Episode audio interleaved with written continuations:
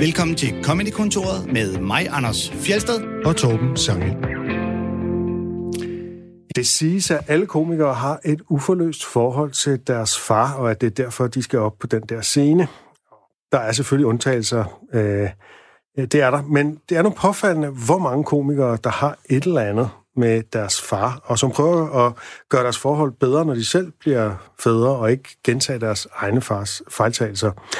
Her i studiet, der står vi tre fædre til døtre, og den tredje, det er ugens gæst Elias Elers. Han er far til en datter på tre og stand-up-komiker, der har lavet et show om at blive far. Et show, der hedder Far. Så dagens tema, det er ikke helt tilfældigt valgt. Udover det her farshow, som er fra 2018, så har du lavet showene Fucking Glad, Helt Perfekt og Det Dystre Skæg sammen med Martin Nørgaard. Yes. Og så er du også kropsterapeut. Ja. Yeah. Jeg kan se, at øh, du er begyndt at annoncere testshows til et kommende show. Øh, kan du løfte sløret for, hvad det skal handle om? Ja, øh, det kommer til at hedde Jagten på Elias, og øh, kommer til at handle det om... Det dramatisk. Ja, det er det også. Det kommer til at handle om jagten på den del af en selv, man på et tidspunkt har mistet i et traume eller en dårlig periode, som gør, at man ikke føler, at man er sig selv længere. Jeg tror, mange af de ting, de fleste mennesker bøvler med, og som de har svært ved, sådan noget personlighedstræk og fejl, man laver. Hvis det er noget, du har virkelig, virkelig svært ved at give slip på, og du bare føler, at det er en del af dig selv, så tror jeg, per erfaring, ofte med mig selv og med andre, at det handler om noget i din barndom, hvor du på et tidspunkt har efterladt noget af dig selv. Og indtil du får det med dig, så vil det altid være et barn, der er fanget i dig i det moment, og det er det barn, der reagerer, og det er derfor, du ikke kan håndtere noget, som en voksen i princippet burde kunne håndtere. Det lyder dybt psykologisk. Helt vildt. Mm. ja, det er Elias Ehlers, som man kender ham. Yes. uh, vi skal have dig præsenteret her i uh, første del, og det gør vi jo med to klip, som du har valgt. Og det første, det er det, vi kalder for det sjoveste nogensinde. Det er et valg, der kommer lidt uh, bag på mig, men det kan du jo forklare bagefter. Vi skal høre mm. Dave Chappelle. Uh, Anders, vil du sige, hvad, hvad kan vi kort sige? Hvordan kan vi kort introducere Dave Chappelle? Ja, hvordan kan man kort det? Øh, øh, sort komiker, øh, startede på New York-scenerne i øh, start 90'erne, og har, øh, du ved, Eddie Murphy, Richard Pryor og de der som øh, forbilleder, og øh, har lavet Chappelle Show og Block Party og sådan nogle sketch-shows. Og så øh, i hans senere år, så lavede han comeback på øh, stand-up-scenerne, og nu kender de fleste ham jo nok for nogle Netflix-shows, det er jo ret vildt. Han har jo simpelthen lavet fire Netflix-shows på to år. Han har faktisk lavet øh, fem med en aftale, der gav ham 20 millioner dollars øh, per øh, show, han lavede. Nå, det var ikke i alt, det var per show. Det var per show, og det er også derfor, at jeg godt kan forstå incitamentet til at sige, vi laver sgu lige det. nu har jeg alligevel noget, ikke? Godt på 20 millioner. 80 millioner, det kan jeg ikke leve for. Vi laver et til. Men det der også er, det er, at de shows, de er faktisk ret gode. De er vildt altså, gode. Han er bedre end nogensinde. Øh, det er han. Han øh, er sindssygt god, og så kan jeg jo personligt så sige, at han er en uh, cool dude. Man kan stå og snakke fagligt, som en professionel til en anden med ham. Backstage Fordi, på en comedy club. Man kan stå selvfølgelig intimt, Anders. Ryge en joint med ham i en baggård, uh. drikke cocktails med ham på en uh, natklub. Hvis det, det, det er i hvert fald min erfaring. Det er din erfaring med det, Det er min erfaring med det, Chappelle. Det er fordi, at uh, Andersen har en lille comedyklub her i København, som har haft Dave Chappelle som optrædende. På besøg, ja. Ja. Og øh, vi skal høre et klip, hvor han taler om øh, borgerrettighedskampen i 60'erne og 70'erne med twist, kan man sige. Jeg skal lige forklare to navne. Øh, DMX, det er en rapper, og Steph Curry, det er en basketballspiller. Ellers så forstår man måske ikke helt, hvad det er, han taler om. Det kommer her. By 1960, the president of the United States was only 42 years old. Can you imagine? DMX is older than that.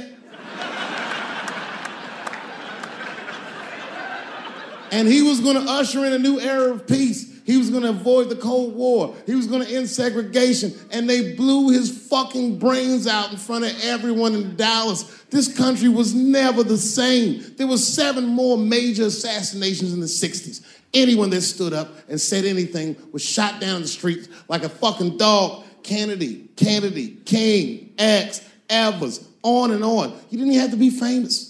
You could be a college student at Kent State or Mississippi protesting the Vietnam War, and they shot them too.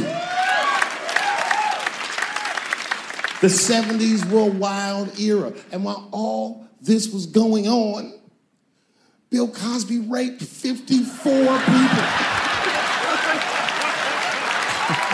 Holy shit, that's a lot of rapes, man. This guy's putting up real numbers.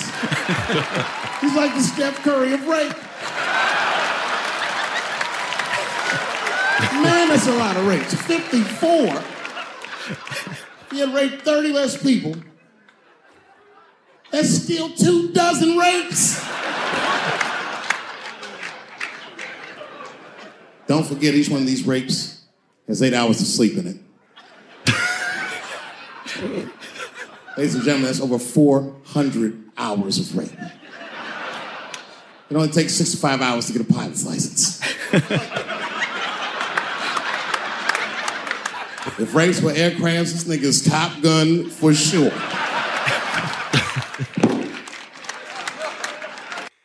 Nå, Elias Elers, mm. øh, hvad er det, du synes er så genialt ved den her bøger? Det, jeg synes, der er sjovt ved det, det er, at han får... Øh, I hvert fald mig, øh, jeg blev taget fuldstændig med bukserne ned. Jeg havde slet, slet ikke set det med Bill Cosby komme. Og på det tidspunkt, der var jeg måske lidt langsom i det. Først sådan ved, at det var først der ved at gå op for mig, hvor meget det egentlig var sikkert, at Bill Cosby havde gjort noget rigtig, rigtig lort. Og at alle sådan, øh, større også bare var begyndt at sige det nu. Og så øh, lige pludselig var der bare en mand, der fik øh, alle til at grine af det. Alle dem, der så det, og alle dem, der sad i salen. Og der er et eller andet sådan helt magisk ved det, fordi det bør man ikke. Det er ikke sjovt, at Bill Cosby højst sandsynligt har voldtaget, drug 54 kvinder. Men det er det i det moment, i den her konstellation, hvis du fortæller historien sådan her. Og det synes jeg er magisk. Det han jo gør, det er jo ligesom at tage forskellige borgerrettighedsforkæmper og opremse, og der er sådan en heroisk tid og sådan noget, ikke? Og hvad lavede Bill Cosby i den periode? Hvor, mm. hvor de sorte virkelig havde det slemt også, og sådan, ja. hvor det var ja. rigtig svært at være sort. Der voldtog han 54 hovedsageligt hvide kvinder, tror jeg nok. Og en tid, hvor at, øh, mange jo så Bill Cosby som netop, du ved, øh, fakkelbærer, ikke? Ja. Han var et af deres forbilleder, han var en af de gode, og det, han stod som det gode eksempel på... Præcis. Og, øh, men, men han udrettede bare og det fuldstændig kunne, modsatte. Vi kunne snakke længe om Bill Cosby og, og hans øh, forfærdelige gerninger. Det, der jo er så ekstra grotesk ved hans sag, det er jo netop, at han stod for sådan at man skulle tale pænt og family values og The Cosby Show, og altså han stod ja. virkelig som denne her øh, gode, rare mand med alle værdierne i behold, og så viser han sig at være den største røvhul af alle sammen. af dem alle sammen, ja. Og, og det er der, hvor jeg synes, at historien, som Chappelle fortæller, den bliver helt fantastisk. Det er det aller, aller sidste, han siger i showet, hvor han fortæller, at efter sine, ikke sort på hvidt, men efter sine, da, da Martin Luther King holder sin I Have a Dream-tale, der er det Bill Cosby, der har betalt for PA-anlægget. Så alle kunne høre hans drøm. Det er det mest sindssyge overhovedet i hele verden, hvis det er rigtigt. øh, det, det får jeg straks lyst til at google. Ja, ikke også? Ja. ja. Og, men det er så bundet op i en større sløjfe, ja. at, at vise, at Bill Cosby faktisk er, også er god, så måske vi lige skulle se igennem fingrene med noget af alt det her rape, for det har også gjort nogle gode ting.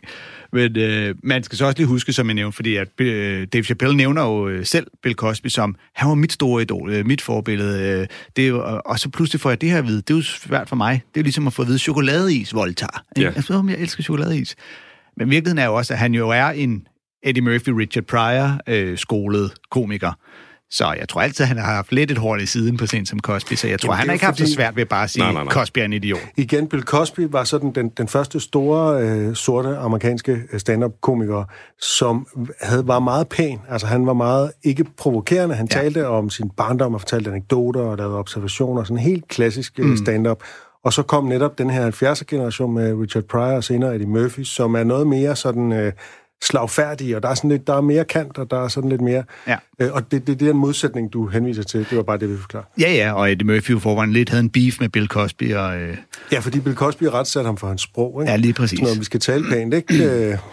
Samtidig med, at han er altså drug raper kvinder. Det er en dobbeltmoral, der vil noget. Men det er jo sjovt også bare det at i talesætte, altså mængden af voldtægter, og, og, og ligesom, han får det næsten til at lyde som om, at at det er et uacceptabelt antal voldtægter, ja, som om der er et punkt, hvor man siger, okay, hertil... Ja, 24. jeg joken havde ikke virket, hvis det kun var fire. Jamen, det, det, det er som om, at det, ej, det er mange voldtægter. Altså, kan du ikke holde det på et, øh, altså, på et normalt niveau? Ja. det er det, der bliver så absurd i hele... Men jeg tror også, det er det, jeg godt kan lide ved den. Det er bare, det er jo, altså, jeg er sådan en af de der komikere. Jeg, jeg, tror, jeg tror, det er den første voldtægtsjoke, jeg nogensinde har hørt, hvor jeg ikke tænkte, hvorfor skulle du lave den? Jeg synes, altid, tænker, det, den her, den, den er jeg så... synes altid, det er unødvendigt, og jeg har aldrig grint af dem. Og så mm. den her, der måtte jeg bare overgive mig og tænke, det her er sjovt. Og jeg tror, det er derfor, jeg synes, det er så vanvittigt. Ja. Og, det, er jo- og det er jo også fedt, at, at de talte til det netop fordi, at Bill Cosby er sådan en, hvor der er rigtig mange, der rigtig lang tid havde det sådan et, ah, lad os nu vente til, han er helt dømt. Det er ikke sikkert, det kan passe. Han var sådan en pæn mand. Det er jo, lad os nu lige se. Det kan jo godt være, og han siger det vist også selv på et tidspunkt, hvis bare de 30 af dem har løjet, altså, så er der stadig rigtig mange, der er blevet voldtaget. Og øh, hvis man vil høre mere om, hvad vi tænker om voldtægtsjokes, så kan man høre øh, den udgave af Comedy-kontoret, der handler om netop det. Og hvis man vil høre hele øh, showet her med øh, Dave Chappelle, så kan man jo finde det på Netflix. Det hedder Age of Spin. Det kan være rigtig svært, det kan Det være kan rigtig svært, at finde. finde. Det havde jeg store problemer med. Lad os ikke tage om det, fordi det er sådan stille lige meget. Man kan se en masse af Dave Chappelle på Netflix, og det skal man gøre. Mm. Øh, Elias Elers, Ja. din yndlingskomiker, det er, ham er du ikke helt enig om, lad os sige det sådan. Der Nej, er rigtig er mange, der har ham som yndlingskomiker her blandt øh, Jamen, mig. er det ikke, er, eller har de fleste danske komikere ikke en af de to amerikanske succesfulde rødhårede komikere? Bill Burr som den anden, jo. Ja, Og det her det er så Louis C.K. Rødhåret going bald. ja, ja. lige præcis. øh, hvad, hvad lægger du vægt på hos, øh, hos Louis C.K.? Øhm, jeg tror, det første, der fascinerede mig ved ham, det var, at jeg synes ikke bare, at han sådan havde funny bones og var naturligt sjov. Han havde også et sindssygt håndværk, og det er fordi det første show, jeg så med ham, det var det, der hed Chewed Up, hvor han lige så stille øh, får opbygget en, en punchline i sin første bid, som han bruger i sin anden bid, som han kæder sammen i sin tredje bid, øh, om ord, man ikke må sige. Og det er faggot, cunt og nigger. Mm. Og så til sidst, så er det faggot, cunt, nigger, der. Han får folk til at grine af. Øh, og jeg kan huske, at jeg synes, sådan hele ideen om, at han kunne, han, han måtte have vidst, hvad han ville, før han skrev den bid. Og det er altid meget fascinerende, når folk kan det, synes jeg. Hvis de kan sætte sig ned og tænke, jeg vil have det her til at ske i publikum, hvordan gør jeg det? Og mit umiddelbare bud er, at han må have tænkt, hvad han ville med biden, før han skrev den. For det er ikke bare opstået naturligt, det der, tror jeg. Og det tror jeg også, man kan sige om den bid, vi skal høre, som er en af hans Ja. mest berømte bidder, den, der går under navnet Of Course, But Maybe. You know, you have your bad thoughts. Hopefully, you hopefully you do good things. Everybody has a competition in their brain of good thoughts and bad thoughts. Hopefully, they win, the good thoughts win. For me, I always have both. I have like the thing I believe, the good thing. That's the thing I believe, and then there's this thing, and I don't believe it, but it is there. It's always this thing, and then this thing. It's become a category in my brain that I call, of course, but maybe. I'll give you an example. Okay, like, of course, of course, children who have nut allergies need to be protected. Of course. We have to segregate their food from nuts, have their medication available at all times, and anybody who manufactures or serves food needs to be aware of deadly nut allergies. Of course. But maybe, maybe if touching a nut kills you, you're supposed to die.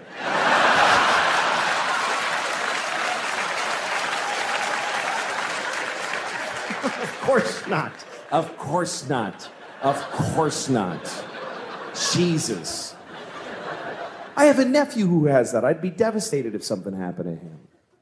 But maybe, maybe, if we all just do this for one year, we're done with nut allergies forever.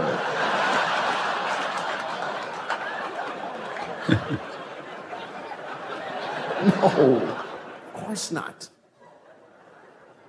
Of course, if you're fighting for your country and you get shot or hurt, it's a terrible tragedy. Of course. Of course.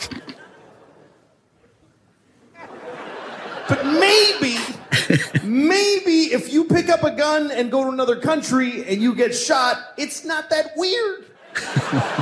maybe if you get shot by the dude you were just shooting at, it's a tiny bit your fault.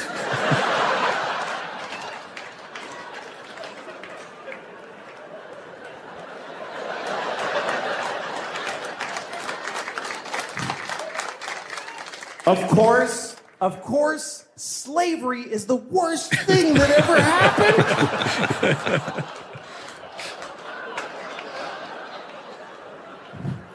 listen, listen, you all clapped for dead kids with the nuts. For kids dying from just, from nuts, you applauded. So you're in this with me now. Do you understand? You don't get to cherry pick. Those kids did nothing to you.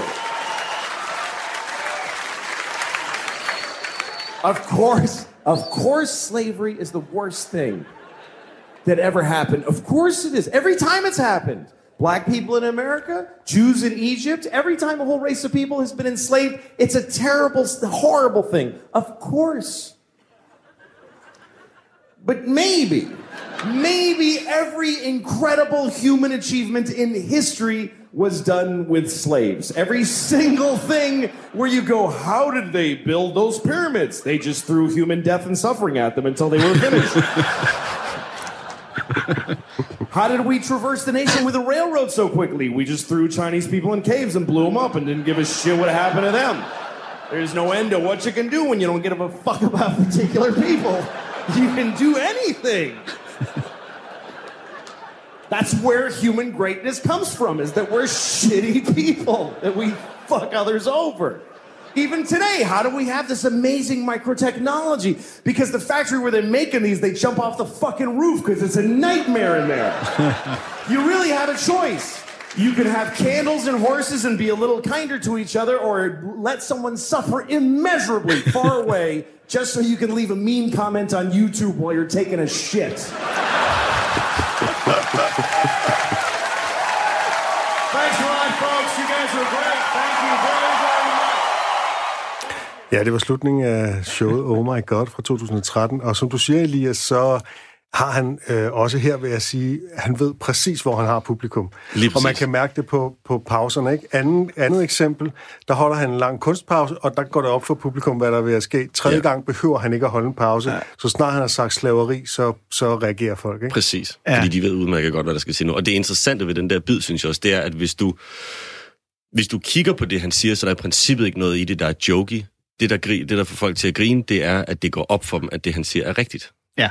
Så de i princippet ikke kan synes, at det, han siger, er forkert. Og så de er nødt til at grine af det, fordi det er jo egentlig ganske forfærdeligt, alt det, han siger. Men der er jo også noget rigtigt i det. Ja, det er jo ren genkendelse Ja, af, at, præcis. øh, altså, fordi han har jo i virkeligheden bare fået en, fundet en måde at etablere englen og djævlen på skulderen, ikke? Ja, lige I en ny kontekst. Og det er jo det der, vi kender jo alle sammen, det der, der, at vores hjerne laver tanker, som ikke er det, vi egentlig mener, men som er, man kunne godt, man kunne godt mm. se det fra den her vinkel. Altså selvfølgelig er det ikke det, jeg mener, men altså, det er jo egentlig bare den, han tager op på scenen, og det gør ham jo i stand til at sige nogle virkelig grænseoverskridende ting, som man bare ikke må sige.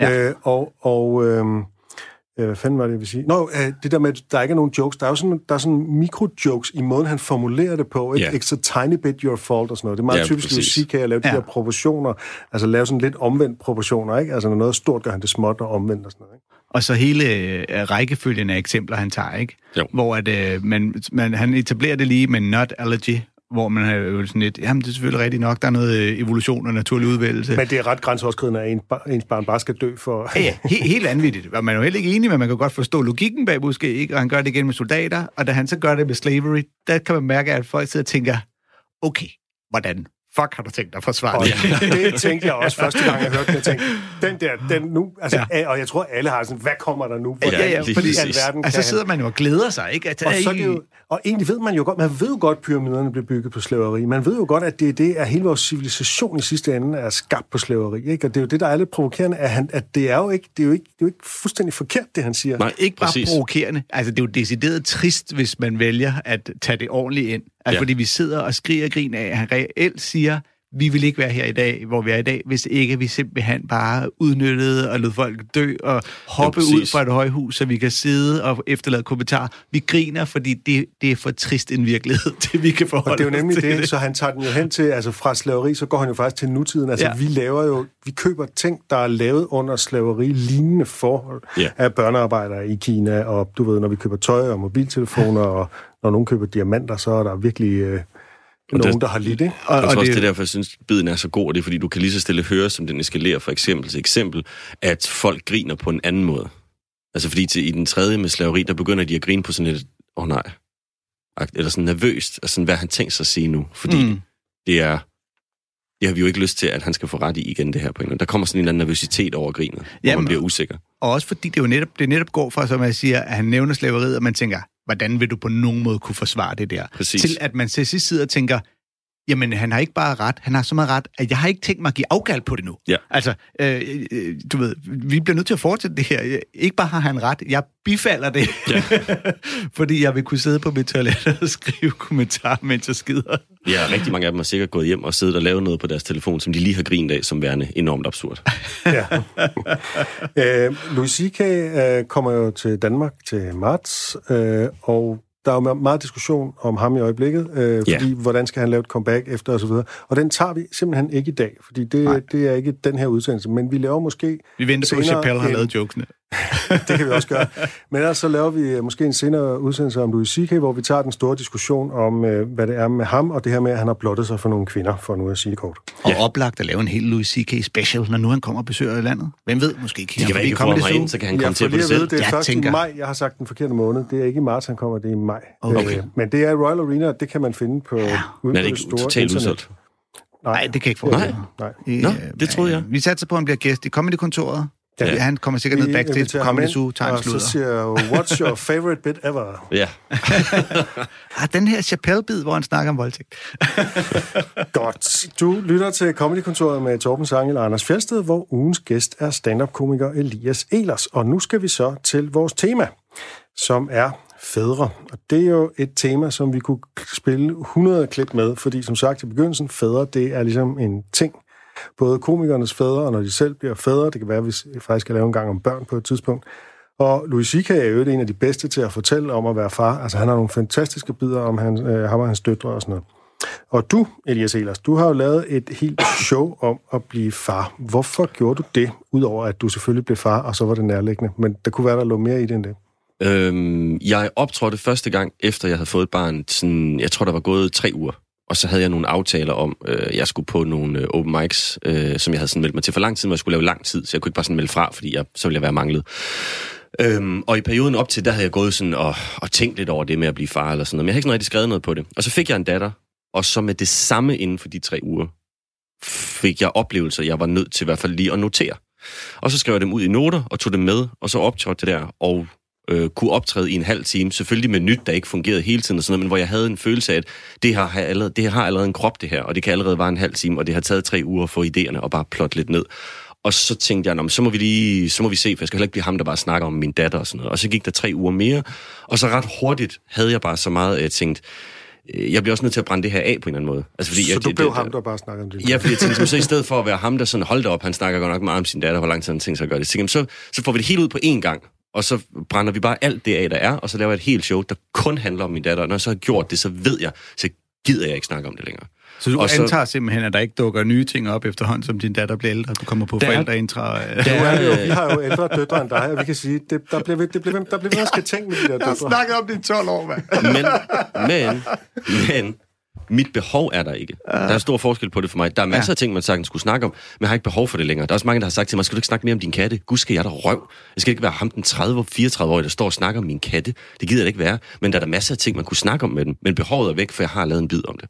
Okay. Og nu føler jeg, at der kommer til at gå noget tid. Så tror jeg måske, for eksempel når hun starter i skole eller bliver teenager, når der kommer sådan et nyt, vildt indtryk, mm. øh, som er større end ikke at have et barn, til pludselig at have et barn øhm, eller lige så stort på en eller anden måde. Når der kommer lige så stort en, en, et angreb på mine sanser og sådan noget, så kan det være, det kommer igen. Men lige nu, der, der er jeg meget navlepillende igen, og, og, og har rigtig meget lyst til kun at snakke om mig selv. Og det, det, som man kan sige om, øh, om dig som komiker i din arbejdsproces, det er, at du er den type, der, der øh, øh, går rundt og, og oplever ting i livet, og så går du op på scenen uden egentlig at være særlig meget forberedt. Du siger, du har nogle noter og nogle løse idéer, men jeg har i hvert fald set dig gå op på en scene med egentlig bare en løs idé, og så prøver at få den til at fungere på scenen, i stedet for at skrive en masse jokes ned. Ja, det har taget rigtig lang tid øh, da jeg, at nå dertil. Øh, da jeg startede ud, der havde jeg sådan alle mulige regler med, at jeg skulle jeg øvede det syv gange om dagen, og jeg måtte ikke ændre i mit sæt øh, en uge op til, jeg skulle optræde. Fordi at så var jeg bange for, at jeg ikke kunne det, og så, så, så kunne man ligesom ikke stå på mål. For sådan, jeg, jeg havde sådan enormt øh, bare for, hvor meget man skulle forberede sig. Og så i løbet af årene blev det til sådan, at jeg måtte godt ændre dagen før, og så skulle jeg øve dagen efter osv.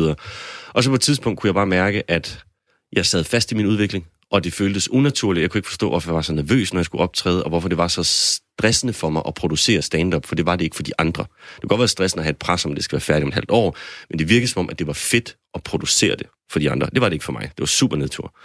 Og så snakkede jeg med Fuglendorf, som i flere år punkede mig for, prøv bare at notere en sjov idé ned, og så gå på. Det værste, der kan ske, er, at den ikke er så sjov slår over i noget andet.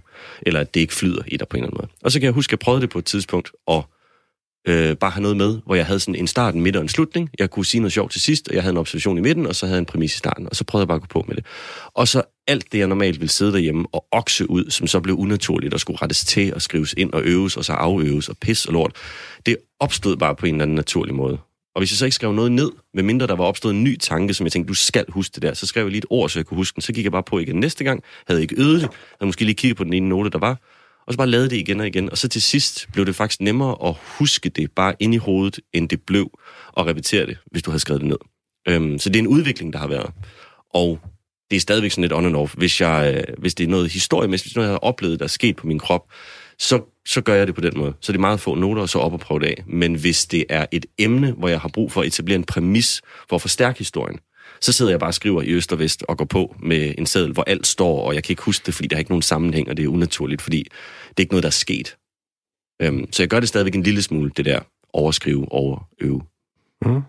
Vi skal høre et uddrag, der handler om det her med, at man bliver enormt bevidst om, hvordan man påvirker sit barn, og man kan også kan blive meget selvbevidst om netop det. Og jeg er en meget blød far. Jeg er et meget blødt menneske, så jeg bliver ved med at vende tilbage til ting, hvis hun en dag skal tage bussen alene. Det synes jeg vil være helt vildt forfærdeligt. Fordi at det er et stort skift stadigvæk. Hun er vant til at køre med mig og Barbara Papa. Det er en stor forskel at lige pludselig tage 5A kl. 16. Det er altså ikke det samme. Det er det bare ikke. Jamen, du ved, bussen kommer hen, hun står bare med sin lille rygsæk, helt glad, og tænker, så åbner dørene, og så er det sikkert bare far, der er derinde, og så åbner dørene, og så er det bare alle de sure mennesker fra Deloitte, der gerne vil hjem. Og det vælter bare med stress ud i hovedet, det vælter med stress ind bag. Det er bare sådan en stress vortex, hun bliver væltet rundt i. Kommer ind i den der bus helt forvirret. Chaufføren er sur, kort eller billet så. Og man ved bare, den dag, der kommer hun hjem og har det lidt stramt med at have fundet ud af, at verden er lidt hård. Og jeg kan ikke lade være med at tænke på, om vi gør vores børn lidt en bjørnetjeneste, ved ligesom at pakke dem ind i så meget vat. Vil det ikke være bedre, hvis de fandt ud af det lidt tidligere? Kunne man ikke bare aftale i alle danske daginstitutioner, der ansætter vi lige en pædagog, der ikke er flink? Sådan en rigtig spade, der hedder Janus, der bare går rundt og mobber børnene, hiver deres bukser ned, spytter dem i munden, hvis de ikke lukker, når de tykker. Det er nok ikke en god idé, men jeg kan meget godt lide tanken om, at jeg ikke har alt, alt ansvaret. Jeg tror også bare, det, det er fordi, jeg er begyndt at tænke meget over en specifik ting, som jeg godt ved, det skal jeg slet ikke tænke over endnu, og jeg overtænker det også helt vildt. Men det er fordi, man er jo man er ret overbevist om den her ting med, at børn kigger på forældrene, og hvordan de opfører sig, så lærer de en masse ting af det. Og der er jo også det ved, at hun kigger jo på mig allerede nu, og hvordan jeg sådan behandler min kæreste, hendes mor. Og så vil hun søge det samme i en mand. Det er jo ikke rart for mig at tænke på, fordi jeg overtænker det alt for meget. Jeg kommer bare til at tænke hvad så hvis jeg er dum en dag, og det er lige den dag, hun suger til sig, hvis jeg er sådan lidt stresset og sådan lidt, hold din kæft, lav noget mad, vask mit tøj. Og lige den dag, at min datter bare sådan lidt, oh, det er sådan, man gør. Det er jo ikke rart. Så bliver hun ikke rigtig glad for, at der kommer en eller anden spade og udnytter hende. Og så bliver hun ikke lidt glad, hvis han siger det samme. Hun bliver sådan helt, oh, hey daddy.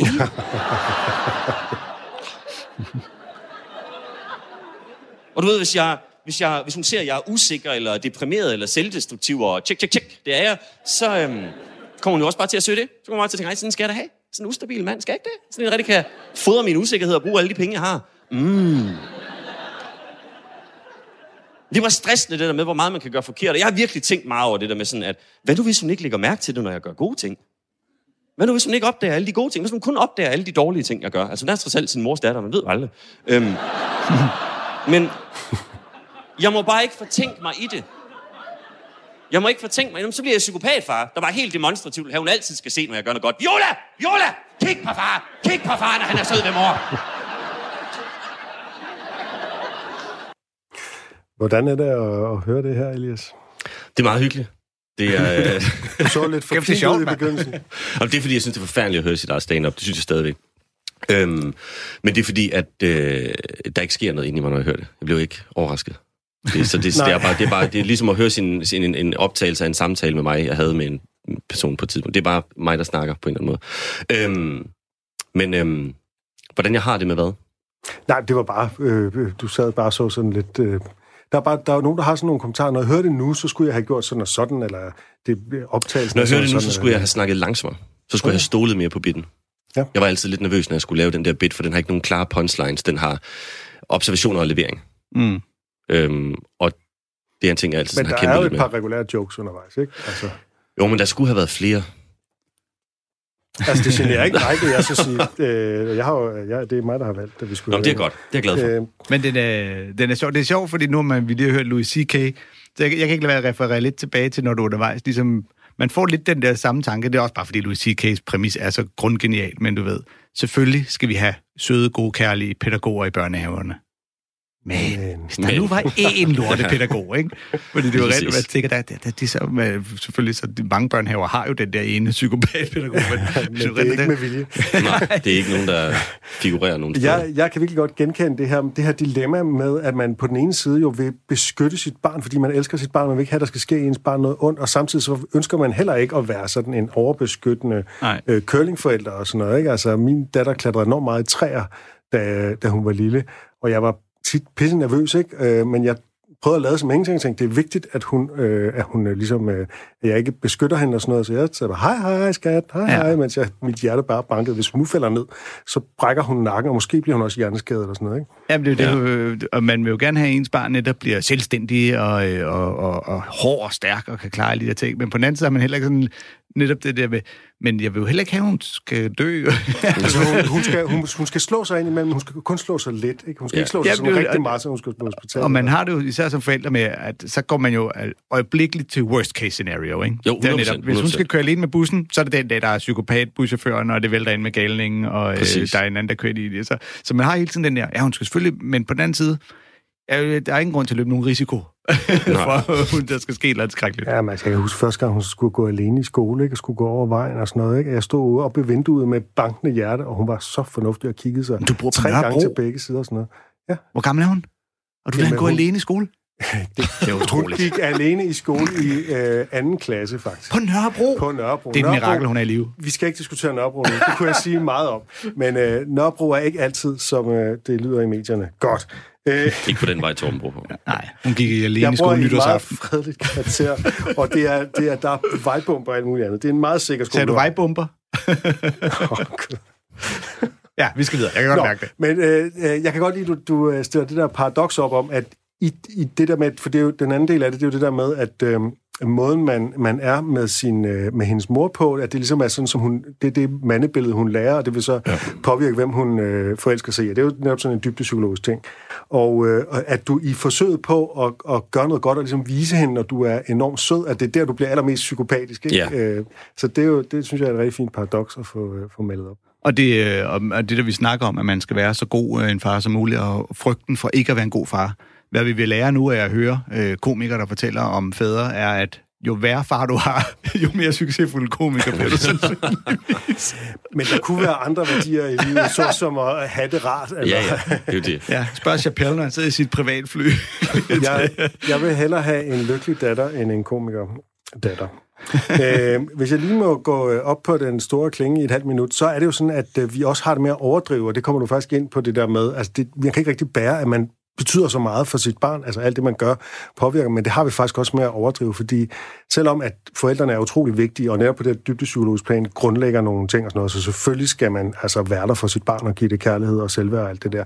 Men de drager altså også alle mulige erfaringer og impulser udefra, og de har også nogle ting med øh, fra fødslen og så videre. Øh, og så, altså, man skal også nogle gange sådan slappe lidt af med det der med, at man tror, at man selv kan ligesom bestemme, altså, og især når ens barn bliver større, så, så finder de deres egne veje, og så, altså, Ja. så, så meget skade gør man heller ikke. Og, altså, Men også ud fra et komikers synspunkt er det jo klart, at det, de fleste jokes om at være far eller have en far, tager udgangspunkt i, at det forhold har sjældent været gnidningsfrit. Ja. Øh, og komikken ligger jo i de tilfælde, hvor det er gået galt, eller har været skidt, eller har været skrækkeligt, og så overdriver man for, øh, for fuld smadre, for at få bedst mulig komisk effekt. For de fleste kan genkende de der øh, gnidninger, der kan være, eller en far, der har været, om det så er alkoholiker, eller bindegal, eller bare irriterende. Det kan de fleste forholde sig til, og så, så griner man, hvis man overdriver det tilpas meget. Ja. og det skal vi høre nogle eksempler på. Først skal jeg lige sige, at Elias Ehlers show Far, det kan købes på hans hjemmeside for kun 40 kroner, og det kan klart anbefales. Øh, vi skal nu høre et super kort klip, som bare er en joke, som er med David Tell. Vil du introducere ham, Anders? Jamen, øh, New York-komiker øh, er den helt gamle skole, startede i øh, slutningen af 80'erne, og det man vel kalder en, øh, en off-color komiker, øh, i hvert fald derover, hvor off-color er, når man laver jokes om emner eller ting, der anses for at være øh, øh, upassende eller dårlig smag. Altså, fordi han er sådan en, der øh, får folk til at grine primært efter et øh, chokprincip. det man nok herhjemme typisk vil sige er pick humor men du ved, hvor man øh, chokerer eller anstøder folk så meget, at de griner i en eller anden form for forsvarsmekanisme. og øh, ja, han har lavet ting sammen med Jeff Ross, øh, Roast og er sådan en rigtig undergrunds øh, New York-komiker. Og den, øh, det klip, vi skal høre, det var altså kun øh, 15 sekunder, og det handler om, hvilket billede man kan have af sin far. I guess what I'm trying to say is I miss my dad. I really miss my dad. You notice when you're young, you think your dad's Superman, and then you grow up and you realize he's just a drunk who wears a cape. Well, there you go. Ja, det var simpelthen joken. en god one-liner. ja. øhm, det er jo også det er jo sjovt, fordi han netop spiller på alles forestilling om, min far er stærkere end din far. Ikke? Det, er jo, det er jo en, alle kan forholde sig til. Min far er en superhelt, han er decideret supermand. Og så er det jo bare sjovt at, at vende billedet om at være sådan helt bogstaveligt. Jeg troede, han var supermand, for han havde faktisk en kappe på. Det viser bare, at han bare var en fuld der fløj omkring på den i ja. sin brændert. Og det giver jo begrebet farjoke en, øh, en anden betydning. øh, hvad hedder det? Øh... Men det er igen, vi er igen ude i det der med, ah, det er sjovt, hvis din far ikke var den optimale far, ikke? Din far er ikke den bedste far. Mm. Ah, din far, han har været en fuld og rig. Åh, det er sjovt egentlig, hvis vi laver jokes med det. Selvom det jo i virkeligheden er lidt sørgeligt. Ja, det er det. Øhm, og nu skal vi så høre en mand, der forklarer, hvilken superhelt øh, en alkoholiseret far så i stedet kan være.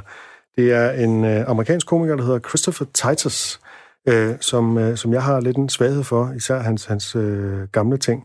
Hans første show, som vi skal høre et lille klip fra, det har sådan en lidt gådefuld til. Norman Rockwell is Bleeding hedder det. Og det handler om at vokse op i en virkelig dysfunktionel øh, familie, kan man sige. Det er faktisk en dybt tragisk historie, og han, han formår selvfølgelig at se komikken i det, ikke? Øh, selvom det ikke lige er et show, man ligger flad og griner over, så er han faktisk morsom øh, undervejs.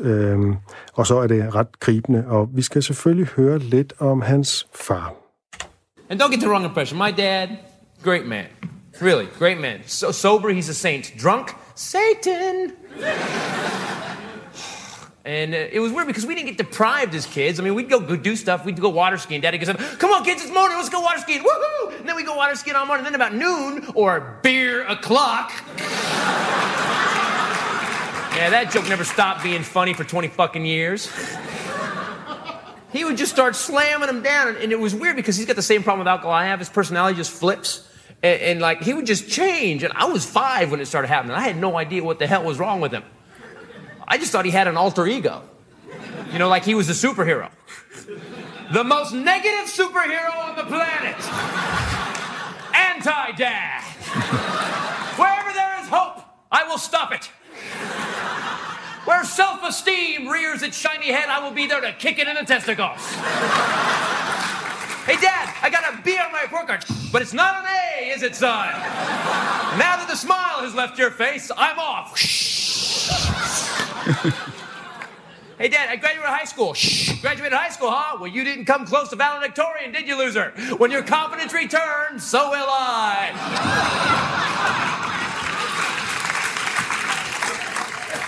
hey, Dad, I got my first job. First job, huh? Well, you ain't manager yet, are you, fry boy? Hey, Dad, guess what? I finally made manager. Shh, manager, huh? Well, a real man would own his own business. Now leave me alone. I'm off to destroy your brother. hey, Dad, guess what? A couple years ago, I started my own business called Deranged Entertainment. We produce shows for national television, and I made more money per week last year than you made all fucking year. What do you think about that? Ha!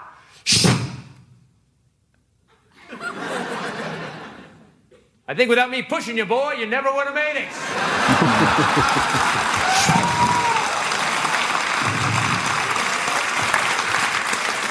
And that shit got canceled, didn't it?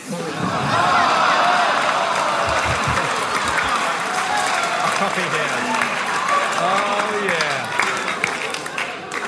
Don't mess with anti-dad, man. Ja, don't mess with anti-dad. en, øh, en, øh, den mest øh, negative superheld nogensinde. Mm. Jeg tror, der er mange, der kan genkende det der med at have sådan en far, der sådan en, ah, du kan godt gøre bedre. 11-tal nu, man går skalaen ikke til 13-agtig. Øh, Det er jo, altså, det er jo, det er jo en fartype, den der far, som, som piller deres børns selvværd ud af dem, og hvor man aldrig er god nok, og samtidig så har man den der mærkelige trang til, at man vil gerne have sin fars anerkendelse. Det betyder så sindssygt meget. Ja, Jamen, det er, især hvis det er sådan en rigtig patriarkfar, ikke? Hvor, Jo. øh, om, om nogle gange man kan kende nogen, hvor man netop tænker, hvorfor higer du så meget efter øh, anerkendelse, når han er så stor en idiot overfor dig? Øh, slip fri. Det er også bare sådan en helt naturlig drift, at man har behov for, at ens forældre virkelig godt kan lide en, fordi ellers ja. så dør man. Øhm, så man har, det, er, det er sådan noget, man ikke selv kan sige en, øh, fra overfor, men det er også en balancegang, mm. tror jeg, som far, fordi at der er også øh, eksempler på, at hvis du bare har sådan en far, der synes, at alt er fedt hele tiden, altså du ved, du behøver slet ikke gøre noget, jeg elsker dig uanset mm. hvad, du er bare perfekt, og prøv at høre, det er også fedt at få syv, men så bliver man også sådan lidt, jamen, hvad er det så, du kan lide ved mig? Hvis alt altid er godt. Mm. Hvis der aldrig er noget, der er forkert. Så jeg tror også, at man skal, det må være det, altså, jeg har selv tænkt over det sådan, hvor meget, hvor ærlig man skal være, hvis der er noget, de har lavet, der ikke er godt. Fordi det er, at ellers det er så jo ender den hun jo i. X-Factor, Det er jo og så og står og synger. balancegang. Ja, ja, ja, præcis. Der skal man ikke ende, vel? Det er så Det flot, den- du har fået syv, og det er så flot, du har lavet det der. Nå, kan få du grim. Ja, ja, ja sådan Men noget, det er jo den samme balancegang, det der med at klatre i træer, ikke? Altså, hun skal jo selvfølgelig ikke klatre helt op i toppen, toppen af træet, hvor jeg ikke vil kunne hente hende ned. Og på samme måde, man skal ikke rose alle hendes tegninger lige meget. Hun skal, øh, og det, der sker, kan jeg så røbe, det er i hvert fald, øh, det kan være, du kan genkende det, Anders, at på et eller andet tidspunkt, så kan de godt mærke forskellen på sådan noget obligatorisk ros om, den er fin skat, og så til den der, wow, har du lavet den? Mm. Og det er ret sejt med, og så kommer man med en helt konkret ros af, nu tager vi tegning som eksempel, ikke? Jeg kan virkelig godt lide, at du, øh, den måde, at himlen changerer, eller et eller andet, ikke? Det kan de godt, de kan godt regne ud, at nu kommer der ægte ros, nu kommer der kvalificeret ros, nu kommer der specifik ros. Hvad gør man så som far, hvis ens barn aldrig kommer med noget godt? Hvis man bare har fået sådan en middelmodig lort. Bortadopteret. Øh, så, så er det anti-dad kommer Okay, i sin kamp. okay fint. Så er det, man, man så husker, presser man dem med ekstra pres, så og er så det, man det til noget. husker, at det nok ligner far. Ja. Eller ligner mor mest, ja. Måske i virkeligheden. Jeg synes, at, øh, jeg synes i virkeligheden, den her øh, Christopher Titus bid her, jeg regner det ud undervejs, at, han er, at faren siger, det er jo, der kan du se, jeg hjalp dig til at opnå det der. Mm. Altså, det ved, if I didn't pressure you, you wouldn't have gone this far. Jeg, jeg, jeg gennemskuer den øh, forholdsvis tidligt, synes jeg.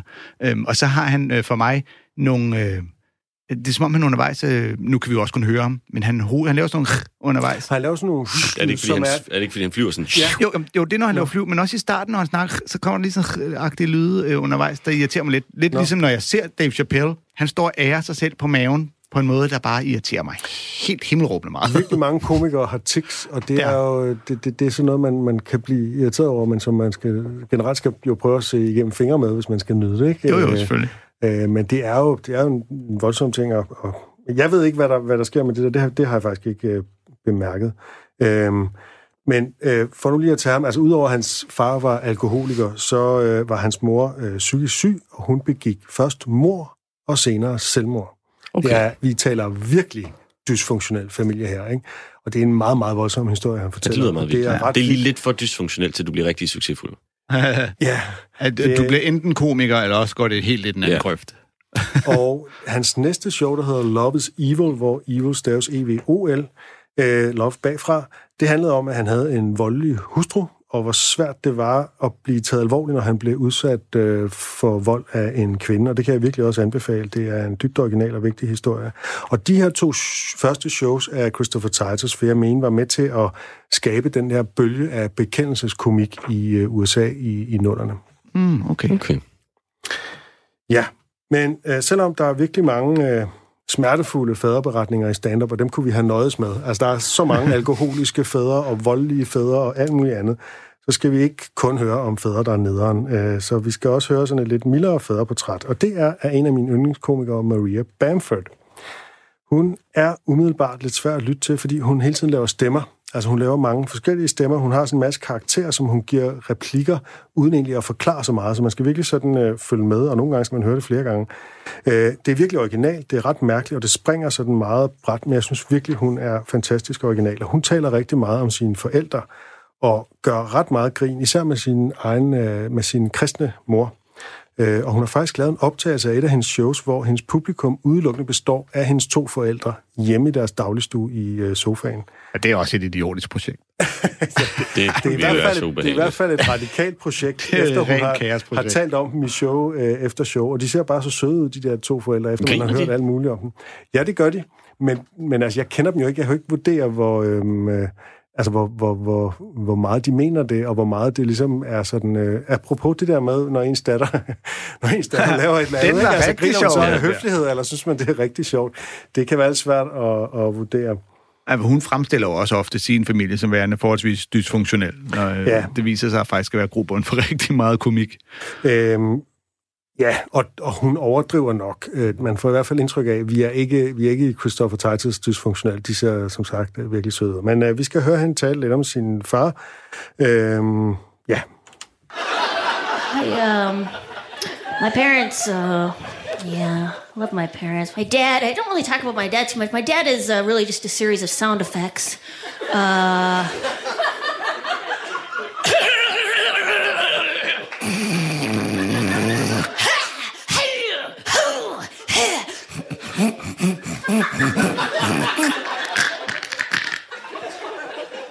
Everything okay over there, Dad?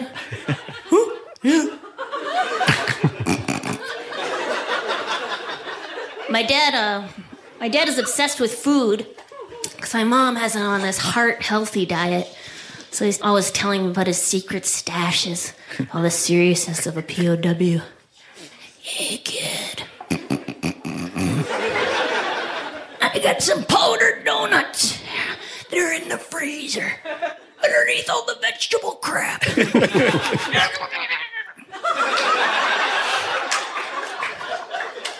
Joel, what are you whispering about? You have got powdered sugar all over your face. Oh, shit. Oh, shit. Run, kid. Run!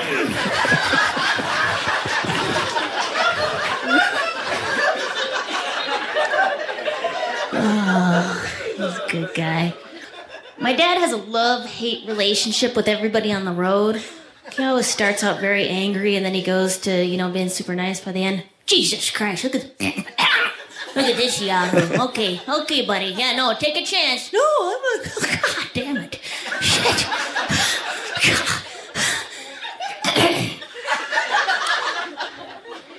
well, looks like he's doing the best he can.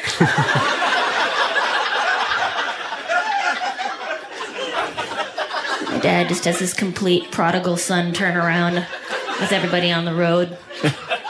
God damn it, look at this lady. God. Okay, yes, did see? I'm not paying attention.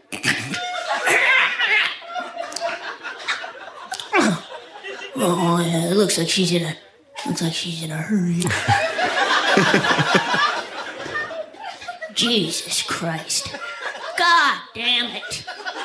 God damn it. Who is this? What is this bus full of Yahoo? What are you what are you guys retarded? Oh my god, they are retarded.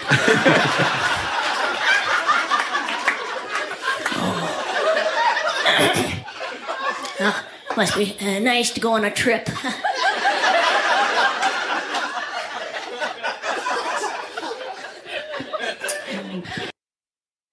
Ja, det er jo nok den, den sødeste version af vejvrede, det der med, at man først pisser sig op, og så bagefter, åh ja, hun havde nok travlt. Ja, han hisser sig også op på en øh, ret sympatisk måde, trods alt. jeg. og man ville ønske, at der var nogle flere, der, øh, der reagerede sådan i trafikken. Ja, helt sikkert. Det, skal, det bliver simpelthen nødt til lige at sige, at øh, jeg snakkede med Torben om, hvad vi skulle spille for bidder. Der havde jeg foreslået en anden Maria Bamford-joke om hendes far.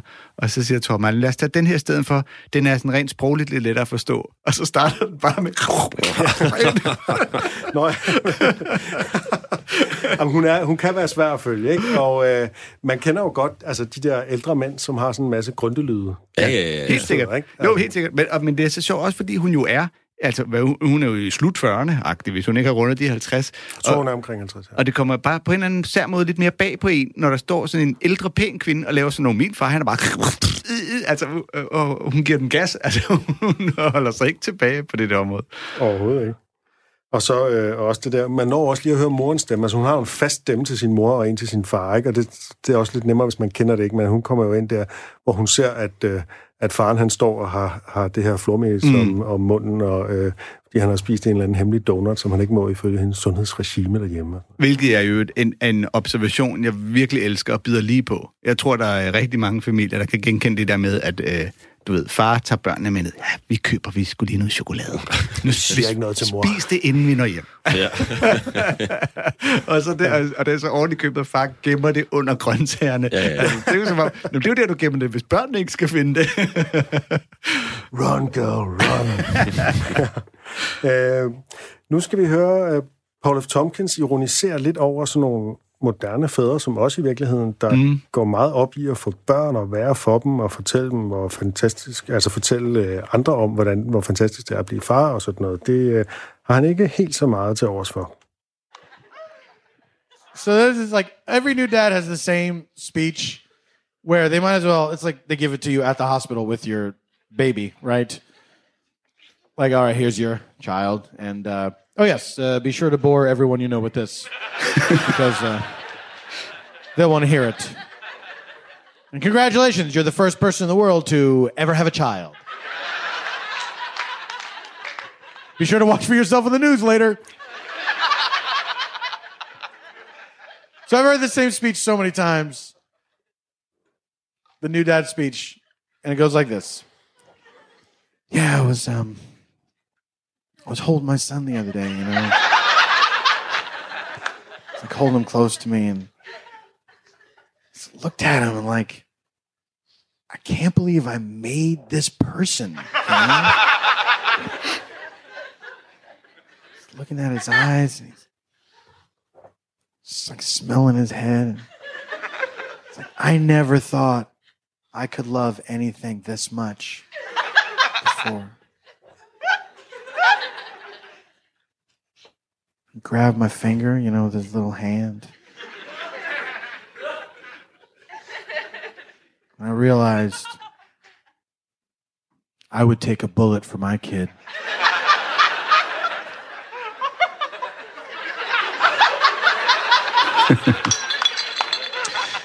now we don't know that's true. right? It's it's a wonderful sentiment. I'm sure you mean it when you say it, but it's very unlikely you will be called upon to make good on that, right? Highly unlikely. I mean, you don't know what's going to happen. Let's say there's some scenario where that shit goes down and the lead starts flying. you don't know what you're going to do. You might very well tear off that Bjorn. Ah, you're on your own. Holy moly. What is happening here? Oh, oh. Try and crawl under a car or something. Oh my God, this city is crazy. who, who are they shooting at? You're a low target. Use that to your advantage, son. You're a lot harder to hit than, than adults. Whew. I hope this is going to be over soon. I love you.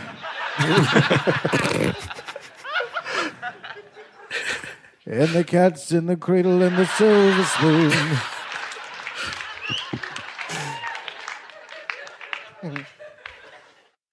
Ja, han fortsætter så den her bid med at overveje, hvorfor det her barn øh, er så eftersøgt af alle mulige morder, at, øh, at det her overhovedet er en ting. jeg Han er kongen af at ironisere. Ja, det er han jo. Vi har jo, hørt, det, vi har jo tidligere hørt en bid med det her peanut brittle, ikke? hvor Jo. han ironiserer over et produkt, og det er, jo, det er jo simpelthen det, han er så god til. Jeg føler mig virkelig ramt her, fordi jeg er den der type, der virkelig føler, at min datters fødsel er det vigtigste, der er sket i mit ja. liv, og den kærlighed er noget helt særligt, og jeg vil dø for hende. Altså, det, det er virkelig sådan, jeg føler det. Ja. Men det er jo også det, der er. Det er jo også sådan, det er, men du behøver ikke gå og sige det til folk hele tiden jo. Jeg, da jeg fik et barn, jeg be- bevidst fortalte jeg ikke nogen om, hvordan det havde påvirket mig at få et barn, medmindre de sådan spurgte ind specifikt, jeg vil have et svar på det der. Så sagde jeg noget, ellers så var jeg bare sådan, nej, jeg har det meget fedt. Hvordan går det med Viola? Det er super. Og rask.